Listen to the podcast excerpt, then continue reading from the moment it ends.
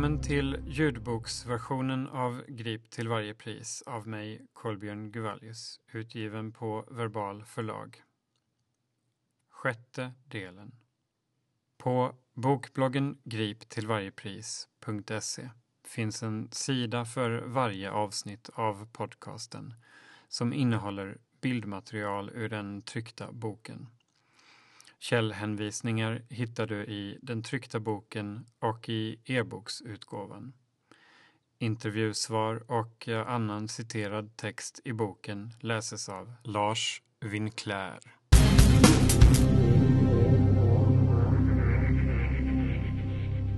Exempel på anmälningar med civila väktare. December 2003 det första belagda fallet med civila väktare under perioden sker mindre än sex veckor efter att det nybildade företaget SIP Security, senare CSG, officiellt påbörjat sin verksamhet. Företaget har ännu inte lämnat in sin första ansökan om att få använda civila väktare. Det är den före detta CSG Falkväktaren Pontus och hans kollega Örjan som jobbar civilt. Två civila väktare från SIP Security hade observerat en person som hade klottrat på ett pendeltåg. Under färden så har de observerat hur en i sällskapet på tre personer har klottrat med en märkpenna i tåget. Juni 2004 Återigen arbetar en väktare från SIP Security civilt. Civil väktare observerade hur NN satt tillsammans med några kamrater på Jordbro station. Väktaren ser sedan hur NN tar fram en spritpenna och börjar skriva tags på ett vindskydd. November 2004. Nils, också före detta CSG Falkeväktare, griper klottrare civilt ett knappt år innan han börjar på Polishögskolan. Civila väktare gripit en klottrare på pendeltåget. Då vi kom till platsen sammanträffade vi med väktarna, vittnen. De hade åkt med pendeltåget. Hade de observerat MT som var helt ensam i vagnen. MT var i full gång med att klottra i vagnen på väggar, golv och dörrar. Framme vid pendeltågsstationen Kallhäll klockan 13.14 greps MT av väktarna. MT var då fortfarande i full färd med att klottra. Enligt vittnesförhöret med Nils framstår det som att CSG har spanat på personen en längre tid. Beträffande taggen NN betraktas upphovsmannen till denna vara mycket stor. Man har från SLs och CSGs sida lagt ner mycket resurser på att gripa just denna gärningsman. Det är klarlagt att den gripne finns med i CSGs hemliga register över klottrare, där förutom porträttfoto hans tagg finns angiven. Jag ska återkomma till registret. Civil skuggar tonåringar över halva Södermalm. December 2005. En civil väktare upptäcker fyra ungdomar på Södra station som han följer runt stora delar av Södermalm. En en berättade att han arbetar som civil väktare på CSG. Denna dag kom han gåendes på perrongen på Södra station och la märke till fyra ungdomar. Han bestämde sig för att följa efter dessa då han hörde dem prata om att spreja. Han ser att de klottrar något i en hiss och följer därefter efter dem ut på stan, en runda på cirka två och en halv kilometer över stora delar av Södermalm innan de grips. Ibland blir det extra tydligt. April 2006 Ibland nämns det civila arbetet bara i förbigående. Men andra gånger blir det extra tydligt, som här när väktaren Pontus arbetar civilt. Pontus börjar som väktare på CSG Falk och följer med till CSG där han arbetar tills han blir polis i klotterkommissionen. Civilklädd CSG-väktare i tjänst uppmärksammade NN med sällskap på Häggviks pendeltågstation på perrongen för södergående tåg. Där ser han att NN klottrar. Väktaren följer efter NN som klivit på tåget söderut och kliver av vid Södra station där NN kliver av. Även där bevittnar väktaren hur NN klottrar. Uniformerade CSG-kollegor möter upp vid Mariatorget där NN grips. Enligt förhöret med Pontus är det godkänt av Sollentuna kommun, där förföljandet började, att arbeta civilt som väktare. Pontus arbetar som civil CSG-väktare. Det är godkänt av Sollentuna kommun. Eftersom Pontus inte har befogenhet att gripa utanför Sollentuna kommun och han hann inte innan pendeltåget kom på Häggvik station så kallade han på CSG-kollegor som hjälpte till med gripandet på Mariatorget. Att Pontus inte får gripa civilt är rimligen en efterhandskonstruktion då han förekommer vid civila grip både före och efter tillfället. Inget av de andra fallen har någon koppling till Sollentuna kommun. Kanske ställer en förhörsledare obekväma frågor om hans klädsel. Det stämmer dock att Sollentuna kommun har godkänt att CSG använder sig av civila väktare. Men en kommun kan inte besluta om sådana regler, vilket CSG förstås känner till. Någon ansökan om undantag från uniformskravet gällande det geografiskt avgränsade området Sollentuna kommun har aldrig heller gjorts. I bevakningsavtalet mellan CSG och kommunen från juni 2009 står att läsa. Bevakningsföretagets personal skall vara uniformerad och kunna legitimera sig. Vid civilspaning ska personalen alltid kunna legitimera sig. Avtalet gäller sedvanlig egendomsbevakning, bland annat förebyggande mot skadegörelse. Så det råder ingen tvivel om att det är regelstridig civil bevakning som avses. Avtalet är undertecknat av Sollentuna kommuns säkerhetschef och upphandlare samt CSGs dåvarande VD Anders Nyberg. I en prisbilaga till avtalet specificeras bland annat timpriset för något som kallas tillkommande skyddsspaning utöver ordinarie skyddsspaning som är en del av ordinarie väktartjänst.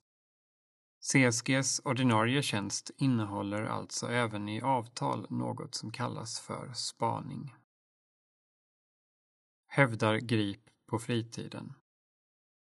I några anmälningar där väktare varit civila förekommer uppgifter om att de inte har varit i tjänst.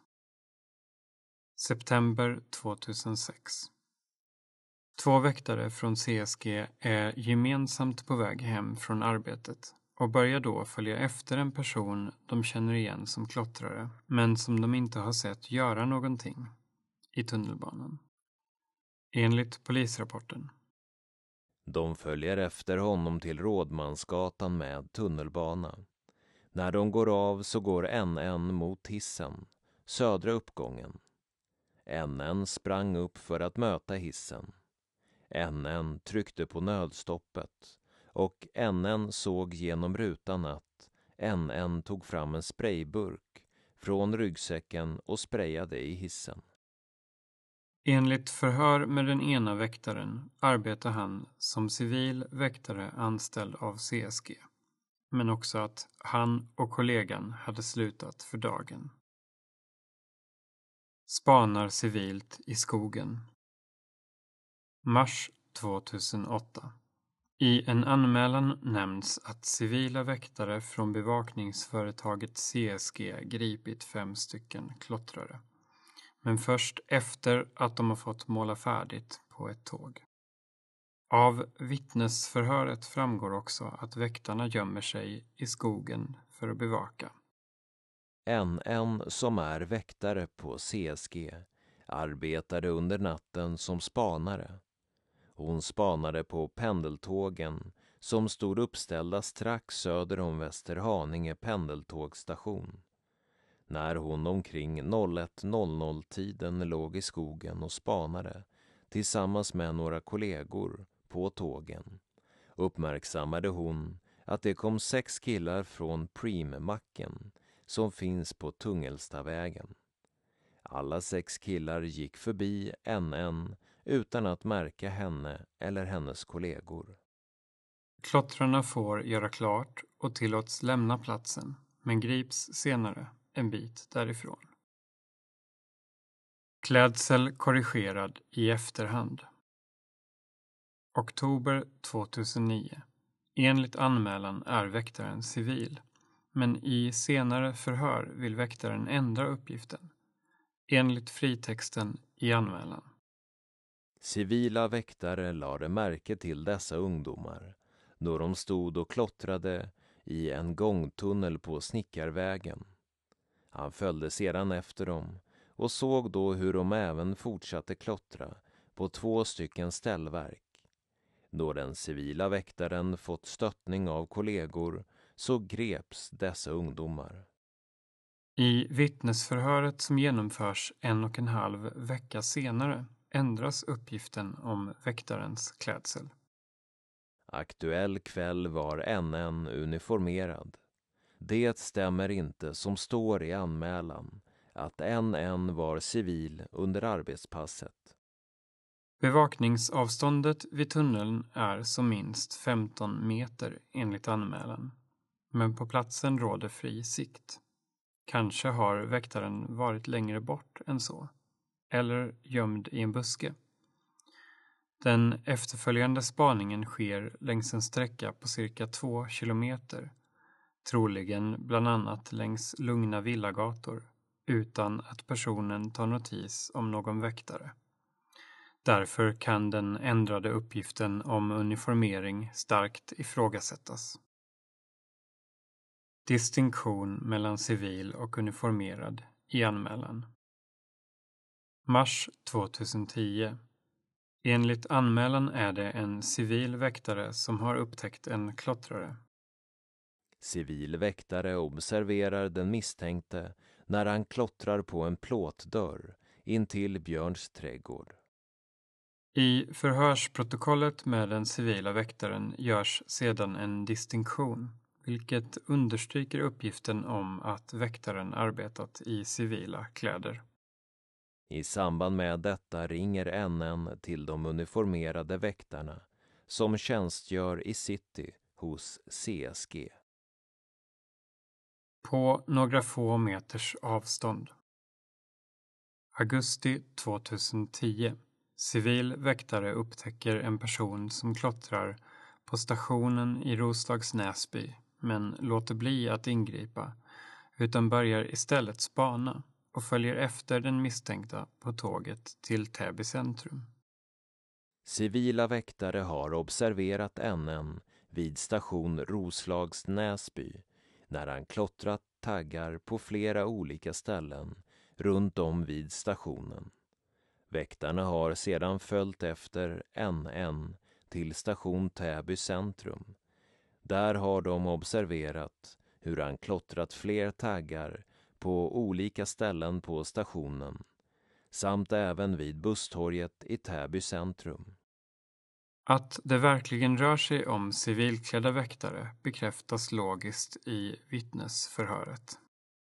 Vittnet stod cirka tio meter ifrån och den misstänkte hade ryggen mot vittnet. Snarlika fall finns även från februari 2009, augusti 2010 och oktober 2011. Griper i civila kläder. December 2010. Det är inte bara spaning som sker civilt, även om det troligen är den vanligaste formen av civilt arbete. Den som står för själva gripandet verkar ofta vara uniformerad. Men i den här anmälan framgår det att väktaren som griper gör det civilt. En en legitimerar sig och griper den misstänkte. Den misstänkte envars greps av civilväktare NN. Jobbar civilt i grupp på Kungsholmen. Juli 2011. En natt arbetar väktarna Mikael och Aron civilt.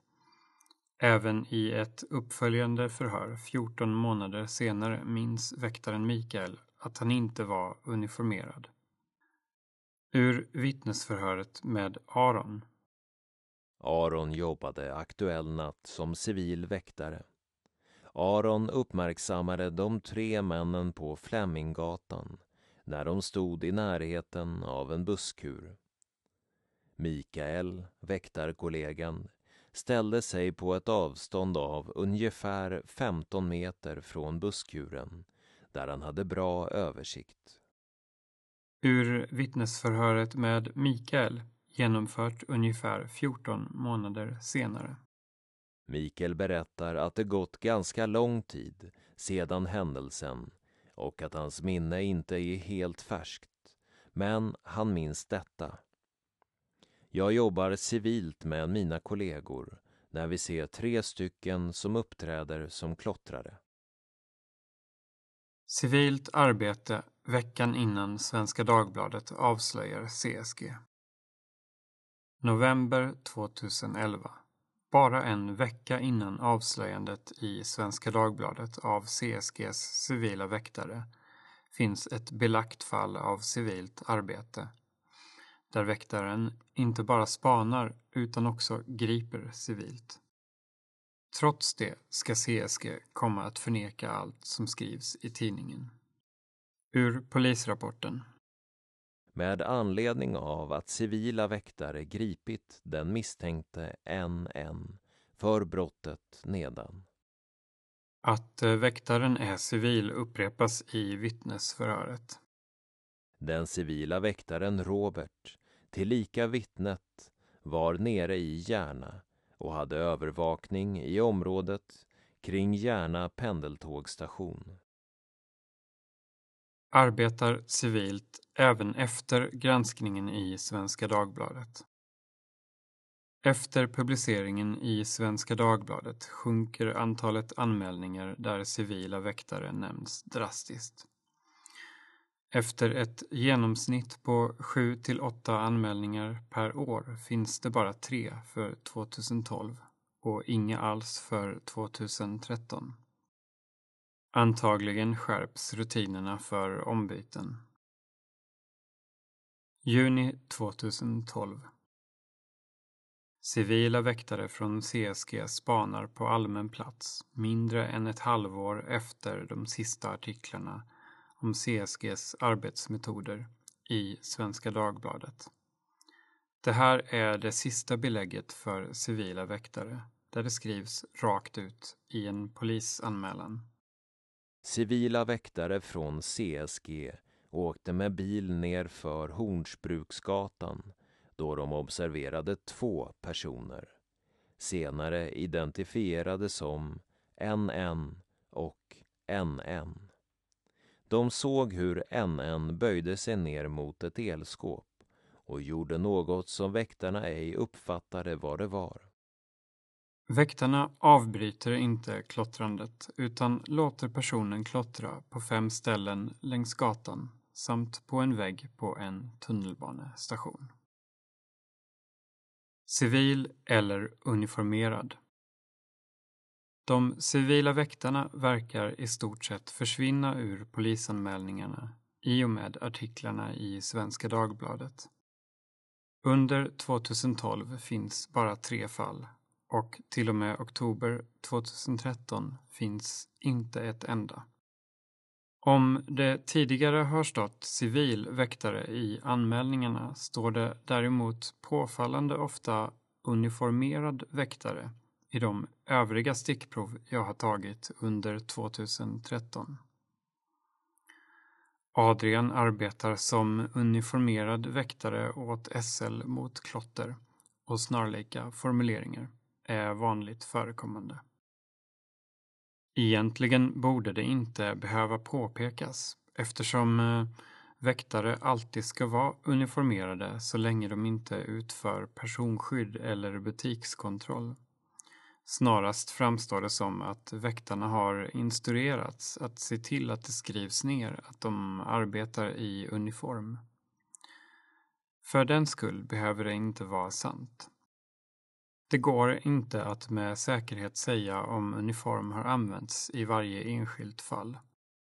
Det går inte att med säkerhet säga om uniform har använts i varje enskilt fall oavsett om det står att väktaren har varit uniformerad eller om uniformen inte nämns. Det måste istället ses i relation till annan tillgänglig information. Andra tecken på civila väktare Utöver de dokumenterade fallen finns flera polisanmälningar där om händelseförloppet är sådant som det beskrivs väktaren knappast kan ha varit uniformerad. Saker som avstånd, tidsrymd och siktfält gör det helt enkelt orimligt, ibland otänkbart, att väktare har burit uniform, även om det inte framgår i klartext att väktarna har varit civila. Civila väktare som framgår av sammanhanget. Juli 2011 I det här exemplet befinner sig väktaren på fyra meter från den misstänkte i en tunnelbanevagn där brottet begås. Det är alltför osannolikt att någon skulle måla i en tunnelbanevagn med en uniformerad väktare några steg bort. Lukas observerade att en känd klottrare klev in i tunnelbanevagnen vid Slussen, TB. Vid Fridhemsplan böjde sig killen ner och gjorde armrörelser mot golvet. Lukas stod då cirka fyra meter från klottraren och kunde se det tydligt. Oktober 2013 Natt mellan lördag och söndag får Lukas syn på två personer som han känner igen som klottrare i en gång vid Slussen. Han ser också när de börjar klottra.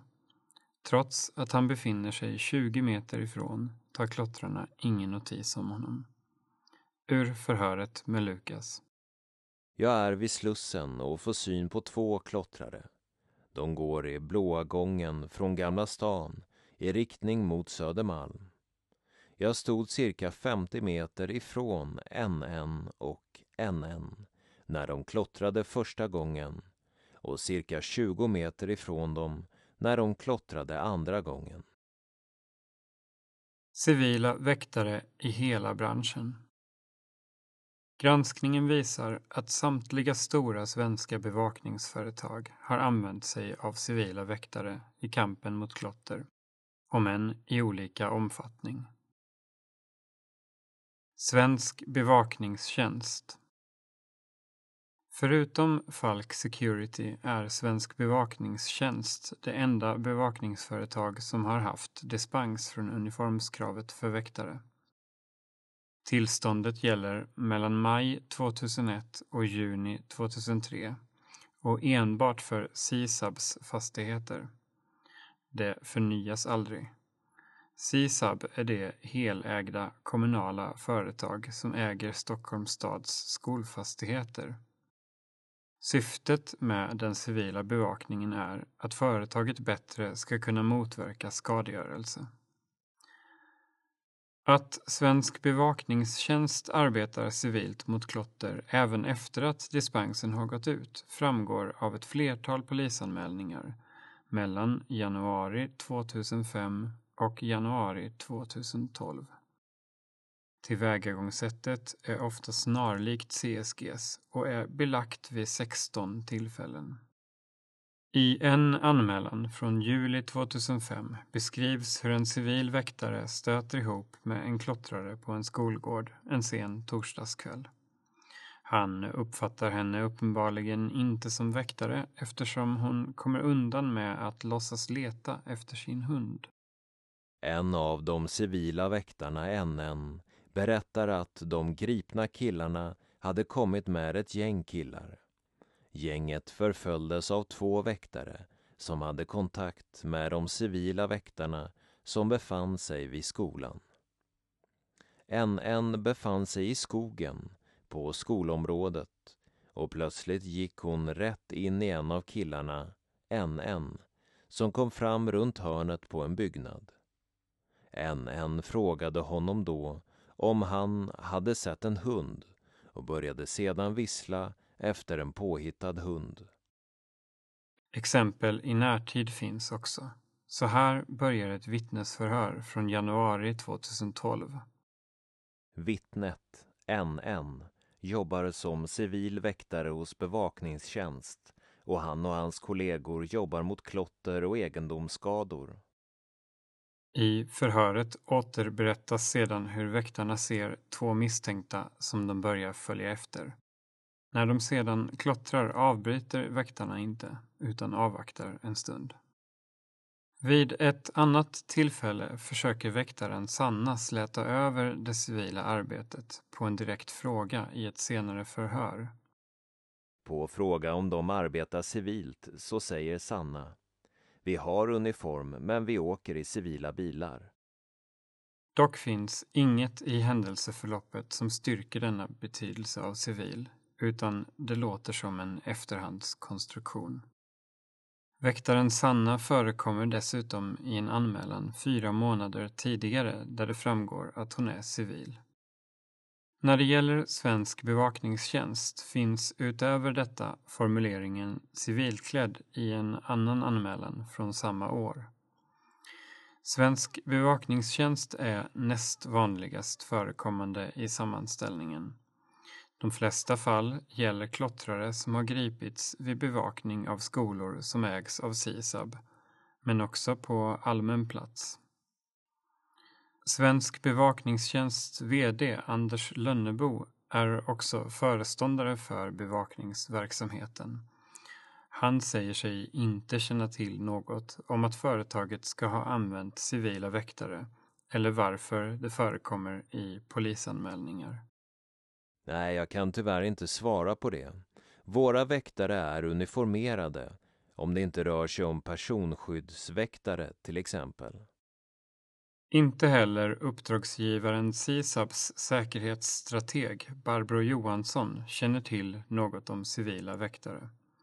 Hon tror, utan att ha läst några exempel, att eh, förekomsten i polisanmälningar skulle kunna bero på att ungdomsteamet från Svensk bevakningstjänst har en ledigare variant på uniform.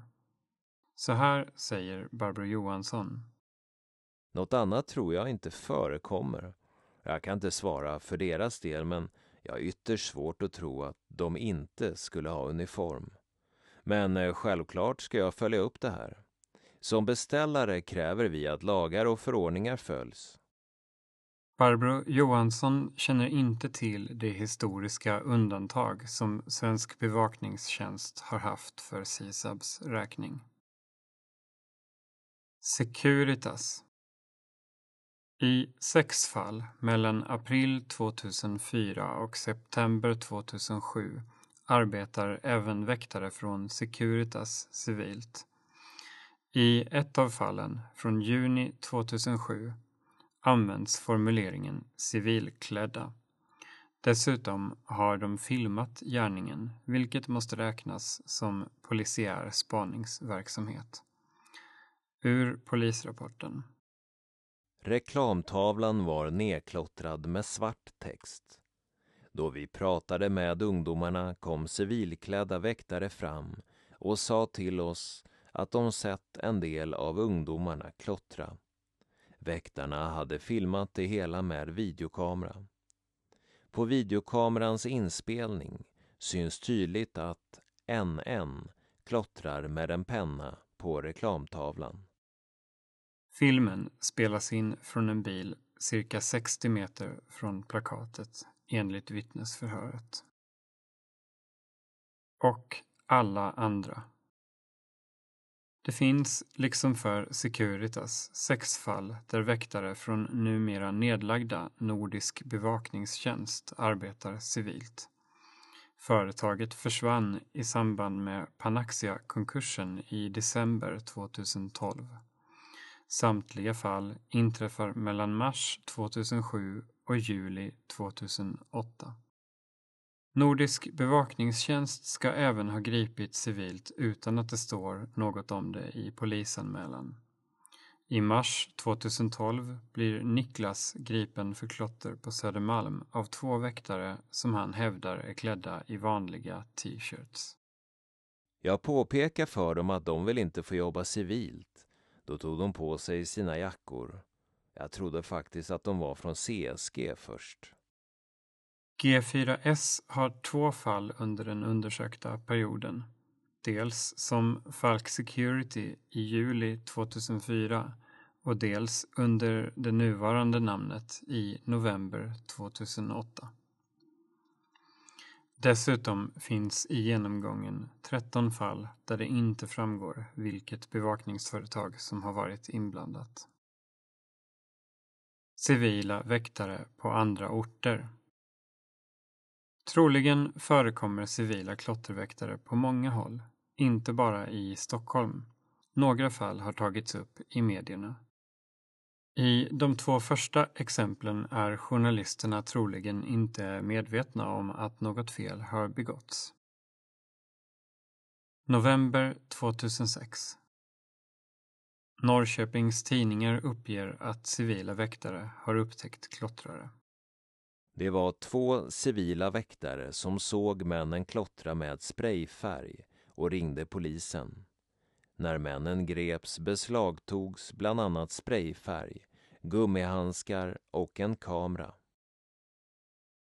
Juli 2013 Enligt en artikel i Arbetarbladet har tågoperatören DSB Uppland hyrt in civila väktare. Tågentreprenören satte för några år sedan in kameror i tågen och har också tidigare anlitat civila spanare. Kostnader som skattebetalarna står för. Det blir väldigt dyrt för oss, säger Ingmar Nilsson, VD för DSB Uppland. Alla klotter fotograferas och polisanmäls. Polis och vaktbolag använder sedan bilderna för att identifiera klottrare.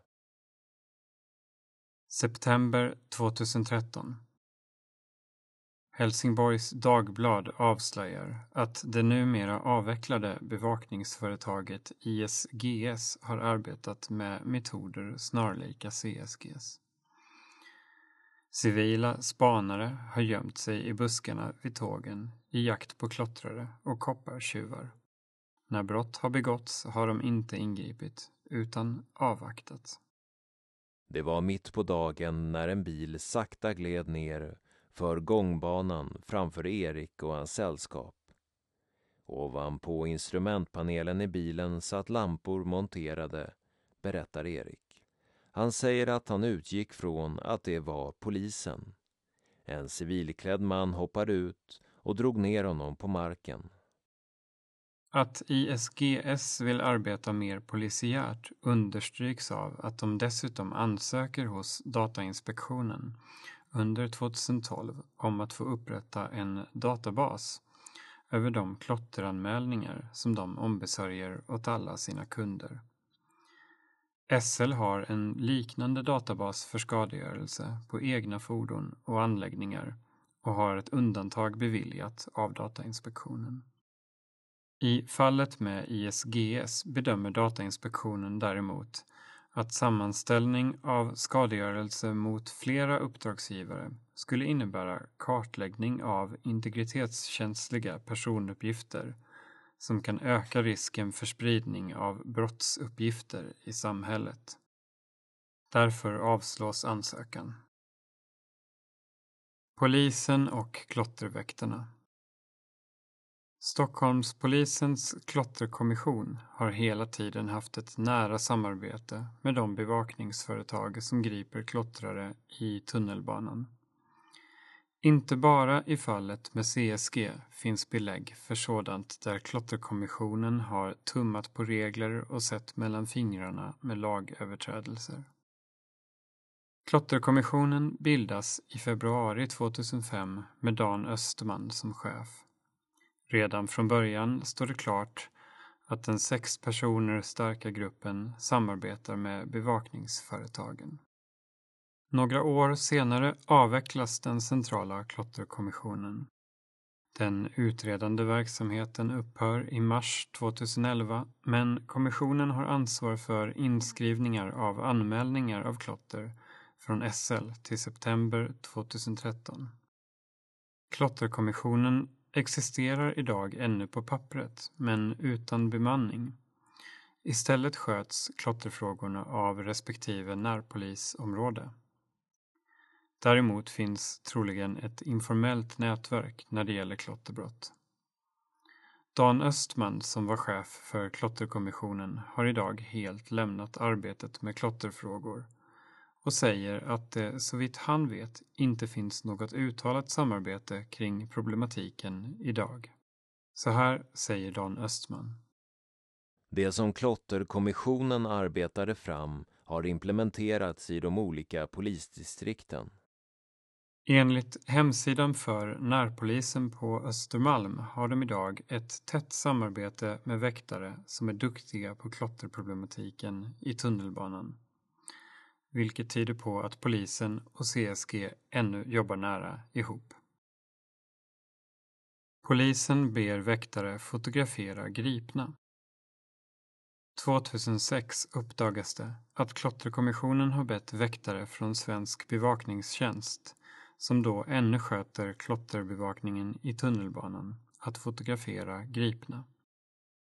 I januari 2006 skriver Dan Östman och Björn Wiberg från Klotterkommissionen i ett brev till Svensk bevakningstjänst.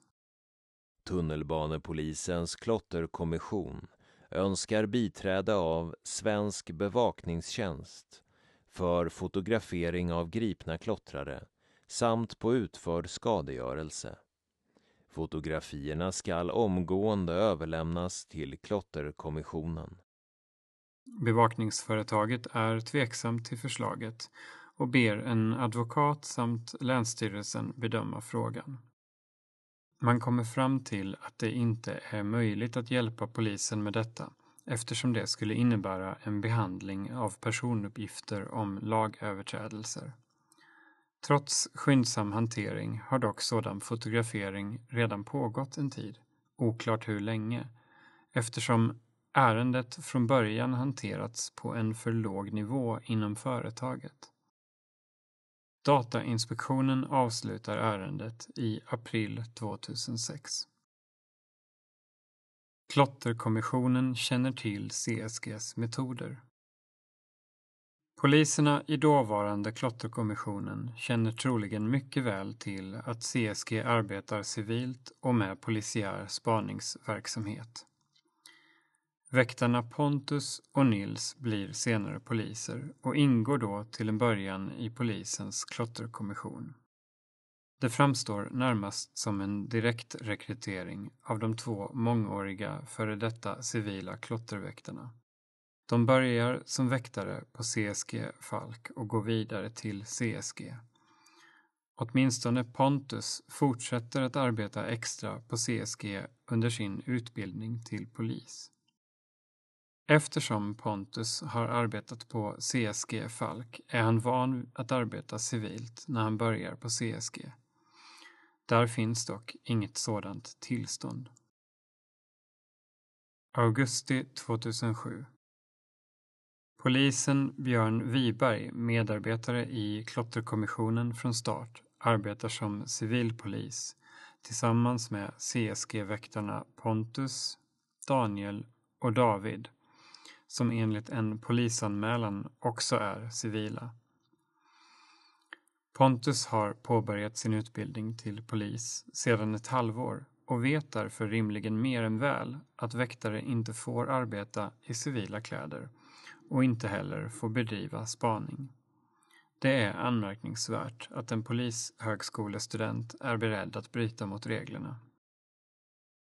Det är en sen onsdagskväll på Lidingö. Enligt polisrapporten. Patrull 9755 med Björn Wiberg och Moa civilspanare tillsammans med väktare från CSG mot klottrare på Lidingö under natten 07.08. Väktarna observerade två män som agerade enligt nedan. Civila väktare fick syn på NN och NN när de tillsammans promenerade vid Kottla station. Väktarna såg hur de två männen gick in på en gångväg längs med spåret. Under tiden männen klottrade tog väktarna kontakt med polispatrullen som anlände till Kottla station.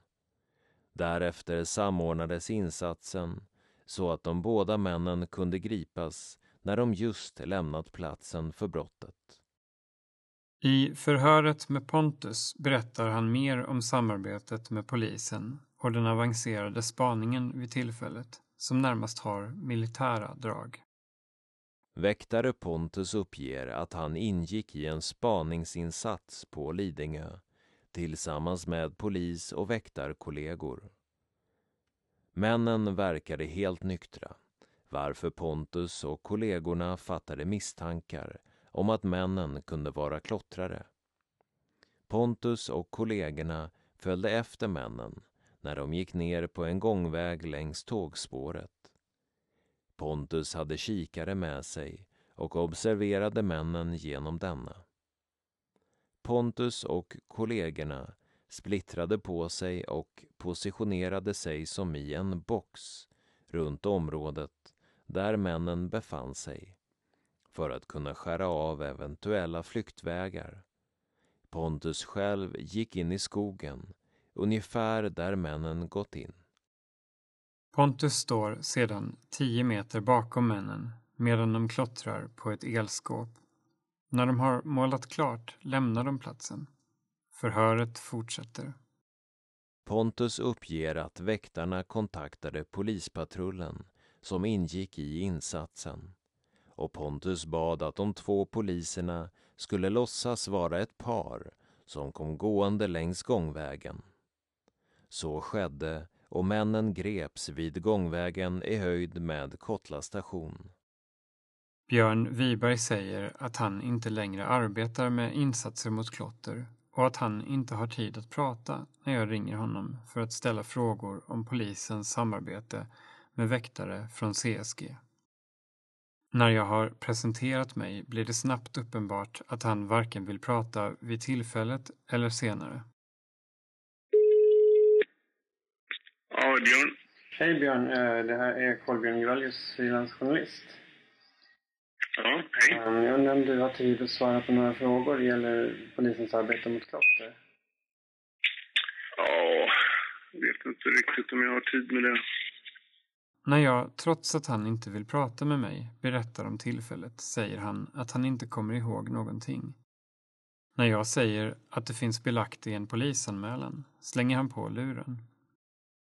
Jag försöker ringa igen men han trycker bort mig, vilket upprepas två gånger. När jag till slut får tag på honom igen säger han att det bryter mycket här. Sedan upprepar han att han inte minns något och svarar motvilligt på några korta frågor. Om det står så i polisanmälan, tror du att det stämmer? Det vet jag inte. Jag har inte läst anmälan. Får jag läsa för dig vad det står? Nej, men jag har faktiskt inte. Du måste acceptera att jag inte har tid att prata med dig. Får jag fråga om du någonsin har sett att CSG har arbetat civilt, själv? Nej, det har jag inte sett. Jag ser i den här anmälan svart på vitt att civila väktare har arbetat tillsammans med dig och Moa på Lidingö i augusti 2007. Vad menar du med det? Civila väktare? De benämns civila, de är inte civila för det. Men det är ju, det är en civil resurs, men det är inte civila väktare. Vi har tjatat om det här förut. Men det är avfärdat av Rikspolisstyrelsens expert på området. Men jag har inte tid att hålla på med det. Då måste du acceptera det. Du ska inte störa mig i min tjänst som du håller på med. Jag skulle gärna ställa en sista fråga också. Det står att det är en gemensam spaningsinsats. Anser du att väktarna kan arbeta med spaning? För det är ju det de har gjort vid det här tillfället, när du är med. Nu vet jag inte vad som menas med det. Får du väl fråga den som skrivit anmälan. Det står svart på vitt att du har varit med på en insats där väktarna har arbetat tillsammans med er med spaning. Vem har skrivit den anmälan? Moa. Då får du fråga henne om det i sådana fall. Inte mig. Jag vet inte vad hon har skrivit. Men nu frågar jag dig. Du har ställt sista frågan. Du måste acceptera att jag inte svarar på några fler frågor. För du har ju sagt att det var sista frågan. Men det, Okej, tack. för att sammanfatta, så har du dementerat i alla fall. Ja, tack. Björn Wiberg menar alltså att bara för att någon benämns civil betyder det inte att personen är civil. När han säger att de har tjatat om det förut avser han antagligen Klotterkommissionens chef Dan Östmans uttalande till stöd för CSG i samband med granskningen i Svenska Dagbladet 2011. Och påståendet att väktarna har bedrivit spaning bemöter han inte alls.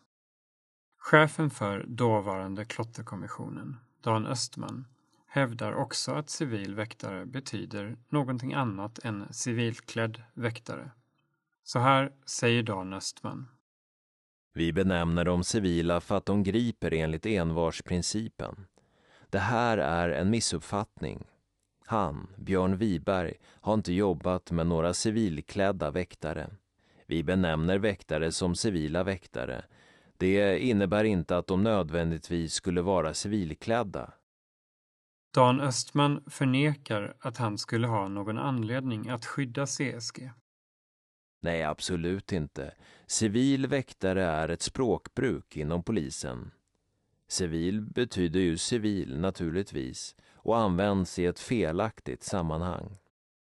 Att även formuleringar som civilklädd väktare och liknande förekommer i vissa anmälningar har Dan Östman inga kommentarer till. Utan han säger att frågan måste ställas till den som har skrivit respektive anmälan. Mot de båda polisernas påståenden finns vittnesuppgifter, videoinspelningar och logiska uppgifter såsom mycket korta avstånd presenterade i den här boken som var för sig visar att betydelsen av ordet civil är just civilklädd. Det är visserligen möjligt att civil inte betyder civilklädd just i de fall som Östman och Wiberg känner till. Men det är mycket svårt att ta resonemanget på allvar. I synnerhet som Klotterkommissionen har arbetat så nära väktarna. I ljuset av att CSGs väktare oftare än andra väktare benämns civila, trots att det handlar om ett relativt litet bevakningsföretag, blir bortförklaringen extra anmärkningsvärd. CSG är helt enkelt kraftigt överrepresenterade när det gäller väktare som benämns civila i polisanmälningar. Expertvittnespoolen Polisen och CSG har tillsammans bildat något som kallas för Expertvittnespoolen som 2010 består av David från CSG, Björn Wiberg, poliserna och före detta CSG-väktarna Pontus och Nils samt ytterligare två poliser. Enligt dokument från expertvittnespoolen kan dess medlemmar hoppa in och vittna i större klottermål. För att åklagaren ska kunna genomföra en större rättegång så krävs det dels ett bildspel samt ett expertvittne som kan biträda.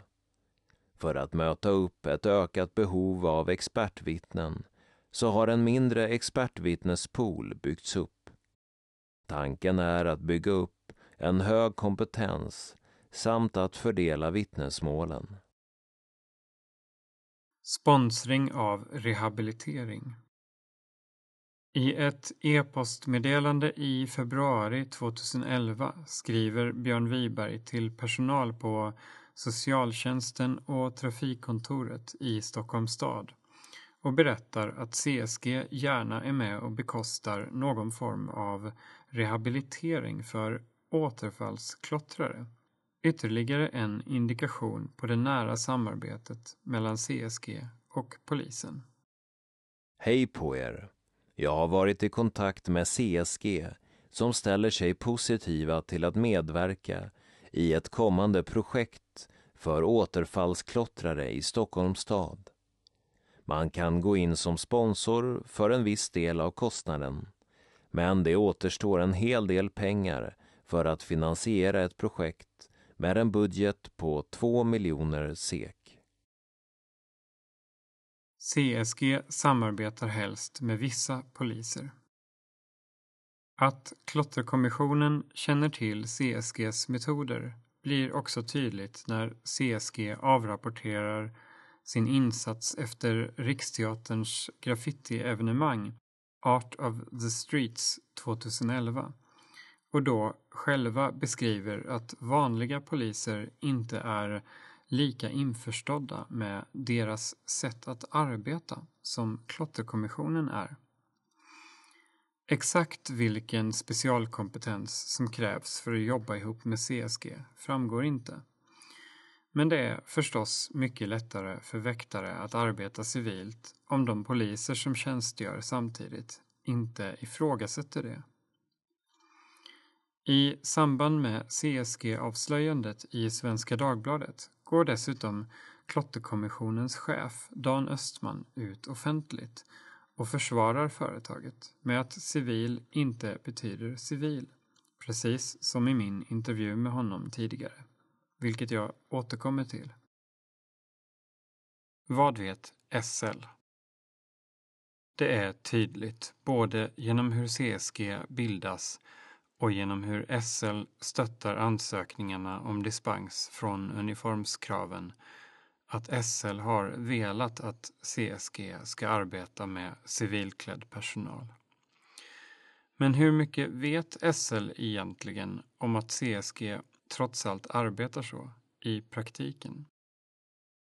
Jeanette Higedus är trygghetsansvarig på SL och efterträdde Kjell Hultman på posten efter muthärvan. Hon har haft tjänsten sedan 2003. Hon säger att civila väktare inte förekommer så vitt hon känner till. Men medger att SL känner till att väktarna inte alltid arbetar förebyggande. Det finns en distinktion mellan det förebyggande arbetet och arbetet med att bevittna brott. CSG arbetar enligt Hegedus med båda varianter. Man kan jobba dolt utan att vara civil. Till exempel genom att man, man kan sitta och bevaka ett depåområde i angränsning till det. Men de är fortfarande i uniform. Det är inget som strider mot hur man får bevaka en anläggning. Jag frågar hur det går ihop med att verka förebyggande, men Jeanette Hegedus ser också en poäng i att särskilt unga förövare faktiskt grips för klotter och därmed kan komma bort från en destruktiv livsstil. Jag tycker det finns en poäng med att kunna arbeta dolt utan att vara civil för att säkerställa att man inte får söndermålade tåg inne i en depå. Om en ungdom på 14 år har stått och målat ett tåg så tycker jag att det är bättre att de blir gripna och tas om hand av socialtjänsten. Målet är att få ner skadegörelsen. Det är inte som att vi jublar för att folk grips, utan det handlar om att man kapar ungdomsproblematiken. Det är en farlig miljö och vi vill inte att någon ska komma till skada. Är det rimligt att de tillåts måla för att de ska bli gripna? Jag tror att alla kan känna en dubbelhet i det. Men jag har jobbat så många år med det här nu och även om vi skulle ha en väldigt synlig väktarpatrull, vilket vi har i många områden, så har vi ändå stor skadegörelse. Jeanette Hegedus menar att det inte går att bevaka alla tåg i länet hur väktarna än arbetar. därför är det viktigt med flera olika metoder för bevakning. Enligt Jeanette Hegedus är det rimligt att väktarna är gömda så länge de också är synliga på annat håll. Att målande vid tågen inte avbryts handlar också om säkerhet. Om det är tre, fyra klottrare som står i ett depåområde med högspänning så får ingen komma till skada. Då är målningen en liten del i problemet. Det värsta är om en ung människa blir skadad. Inte förenligt med god sed. Väktare har visserligen inte den skyldighet som polisen har att ingripa mot pågående brott.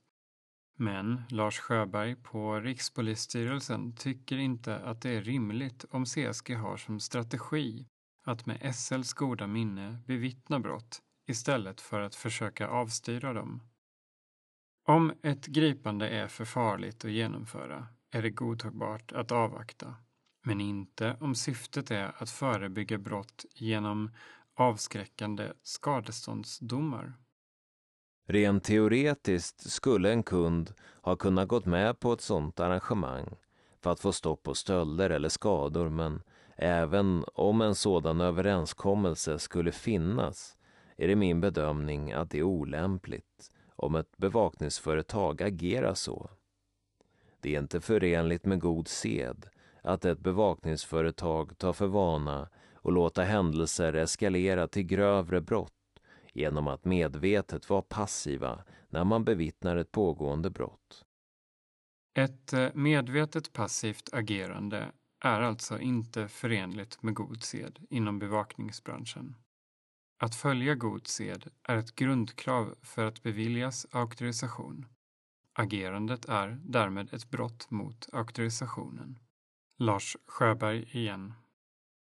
Därför skulle Länsstyrelsen kunna ifrågasätta företagets auktorisation om det sker regelmässigt.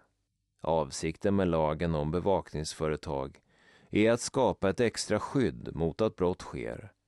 Som lagstiftaren har tänkt det har man sett framför sig att en väktare som vaktar ett objekt genast ingriper om någon försöker stjäla något eller skada objektet. Okonventionella väktare från start.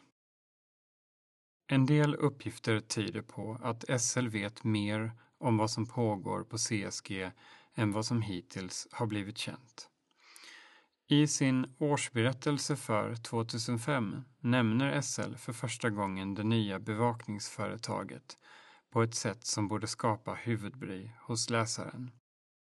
Under ett avsnitt om trygghet och säkerhet står Genom ett lyckat försök med en särskild väktargrupp för egendomsskydd har SL i stort kommit till rätta med klotter på pendeltågsvagnar och stationer. Gruppen har arbetat okonventionellt och helt förutsättningslöst. Samma metoder kommer nu att införas i tunnelbanan. 2005 minskar kostnaderna för klotter inom SL med 8 procent från toppåret 2004. I årsredovisningen för 2006 upprepas formuleringen SL är mycket nöjda med den okonventionella väktargruppens resultat. Den särskilda väktargrupp för egendomsskydd som skapades för att minska klotter på och skadegörelse av pendeltågsvagnar och stationer har nu införts även inom tunnelbanan. Gruppen samarbetar med polisen och arbetar okonventionellt och förutsättningslöst, vilket har lett till mycket goda resultat. Kostnaden för klottersanering av pendeltågen har minskat med över 50 procent. De okonventionella metoderna anses alltså ligga bakom en halvering av kostnaderna för klottret på pendeltågen som CSG bevakar. 2007 ökar klottret återigen men den särskilda väktargruppens insatser verkar utökas och ge resultat. SL har egendomsväktare som enbart arbetar mot skadegörelse. Problemen var stora under våren 2007. Efter goda insatser från väktarna andra halvan av året minskade skadegörelsen i både tunnelbana och pendeltåg. Från och med årsberättelsen för 2008 nämns inget mer om väktarna och deras okonventionella metoder. Egendomsbevakning med väktare kan enligt regelverket inte bedrivas på så många sätt. Så det är uppenbart att SL känner till någonting som går utöver det vanliga. SLs trygghetsansvarige Jeanette Hegedus hävdar idag att skrivelsen om okonventionella metoder inte gäller något i sig uppseendeväckande. Vi jobbade med olika metoder och testade olika saker för att se vad som kunde ge bäst effekt för att få ner skadegörelsen. Det innebär inte att SL skulle ha sagt att det är okej okay att jobba civilt. Men man kan ha viss teknisk hjälp eller samverka på olika sätt. På den tiden var det lite utanför de samverkansramar som är mer naturliga idag. Intressant i sammanhanget är att Kjell Hultman anför just att SL kan behöva ta till okonventionella metoder i kampen mot klottret två månader efter att civila spaningsgruppen har börjat arbeta 1996. Kjell Hultman tror att SL kommer att få vänja sig vid att ta till okonventionella metoder för att stävja skadegörelse och klotter. Privat relation mellan SL-ansvarig och CSG-chef. SLs trygghetsansvarige Jeanette Hegedus hade under flera års tid ett förhållande med CSGs regionchef, den före detta CSG-falkchefen Josef. Hon hävdar att SLs ledning hela tiden kände till relationen och att den inte har påverkat samarbetet med leverantören. Detta bekräftas av SL. Så här säger Jeanette Hegedus. På grund av risken för jäv har jag inte deltagit under upphandlingen. Jag har varit öppen om vår relation från början, vilket kan granskas. Men det var enormt tufft ibland. Konkurrenter och andra spekulerade, men uppföljningen av avtalet var hela tiden delegerad till medarbetare. Hon säger att hon och Josef visserligen förde diskussioner ibland om metoderna och delade en grundsyn i bakgrunden till skadegörelsen. Men att hon aldrig fick höra något om några felaktiga metoder. Däremot kunde det till exempel bli diskussioner om CSG hade en mindre bra leverans. Det finns inget konkret som tyder på att den privata relationen till exempel har gett CSG fördelar jämfört med andra bevakningsföretag.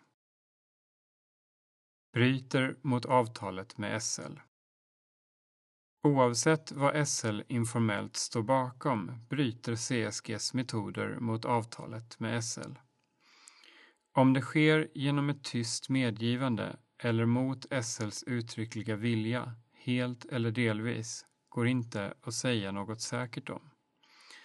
I avtalet från 2007 står bland annat Målet för väktarbevakning skall vara att eliminera den skadegörelse och sabotage som SLs anläggningar och fordon är utsatta för förhindra stölder av SLs egendom, till exempel kabelstölder. Tillse att inga obehöriga uppehåller sig inom de områden som ej är avsedda för allmänheten inom SLs infrastruktur. Att väktarna inte arbetar brottsförebyggande utan snarare låter personer ta sig in på spårområden är därför ett direkt avtalsbrott, fastän det sker med Jeanette Hegedus goda minne. Dessutom är det sannolikt ett brott mot god sed i bevakningsbranschen och därmed inte tillåtet enligt auktorisationen. Avtalet reglerar också väktarnas uniformering där kravet på uniformering är strikt. Väktare är också utsatta. Det hårda klimatet mellan bevakningsföretag och graffitimålare har resulterat i flera motreaktioner. På Youtube finns till exempel flera klipp där väktare filmas i anslutning till tunnelbanan utan att de nödvändigtvis gör något anmärkningsvärt. Webbsajter som i stor utsträckning kartlägger enskilda väktare har också synts till under åren. Vaktad Under 2010 uppmärksammas Datainspektionen på att en blogg med namnet Vaktad har dykt upp på nätet. Bloggen har likheter med Hej CSG men är mycket grövre i sitt tilltal och kan lätt uppfattas som hotfull mot enskilda. På bloggen listas totalt 47 namngivna väktare och ordningsvakter, varav flera arbetar eller har arbetat för CSG. I många fall är uppgifterna kompletta med personnummer, telefonnummer, adress och familjeförhållanden samt ett flertal fotografier. De flesta av fotografierna är tagna ur privata eller mycket privata situationer och är troligen hämtade från sociala medier. Flera drabbade kontaktar Datainspektionen och anmäler bloggen.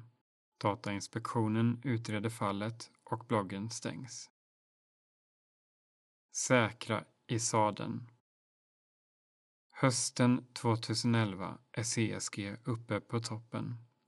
De har kontrakt på all klotterbevakning för SL för ett okänt belopp.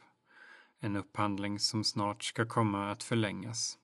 De opererar civilt över hela Stockholms län och bedriver avancerad spaning utan att ifrågasättas annat än på obskyra nätforum där få utöver de som själva har bevittnat liknande händelser tar inläggen på allvar.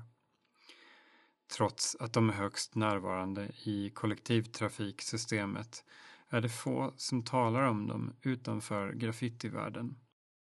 De kan lugnt verka i det tysta. Kanske har de blivit så säkra i sadeln att de tar ut svängarna lite för mycket. När ingenting ifrågasätts är det lugnt att köra på. Men någonting är på väg att hända.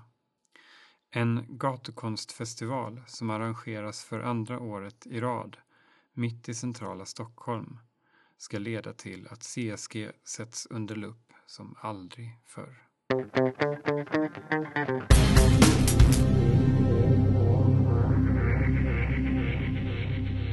Det här var sjätte delen av Grip till varje pris av mig, Kolbjörn Guvallius. Lyssna igen nästa onsdag för att höra fortsättningen. Intervjusvar och annan citerad text i boken lästes av Lars Winclair.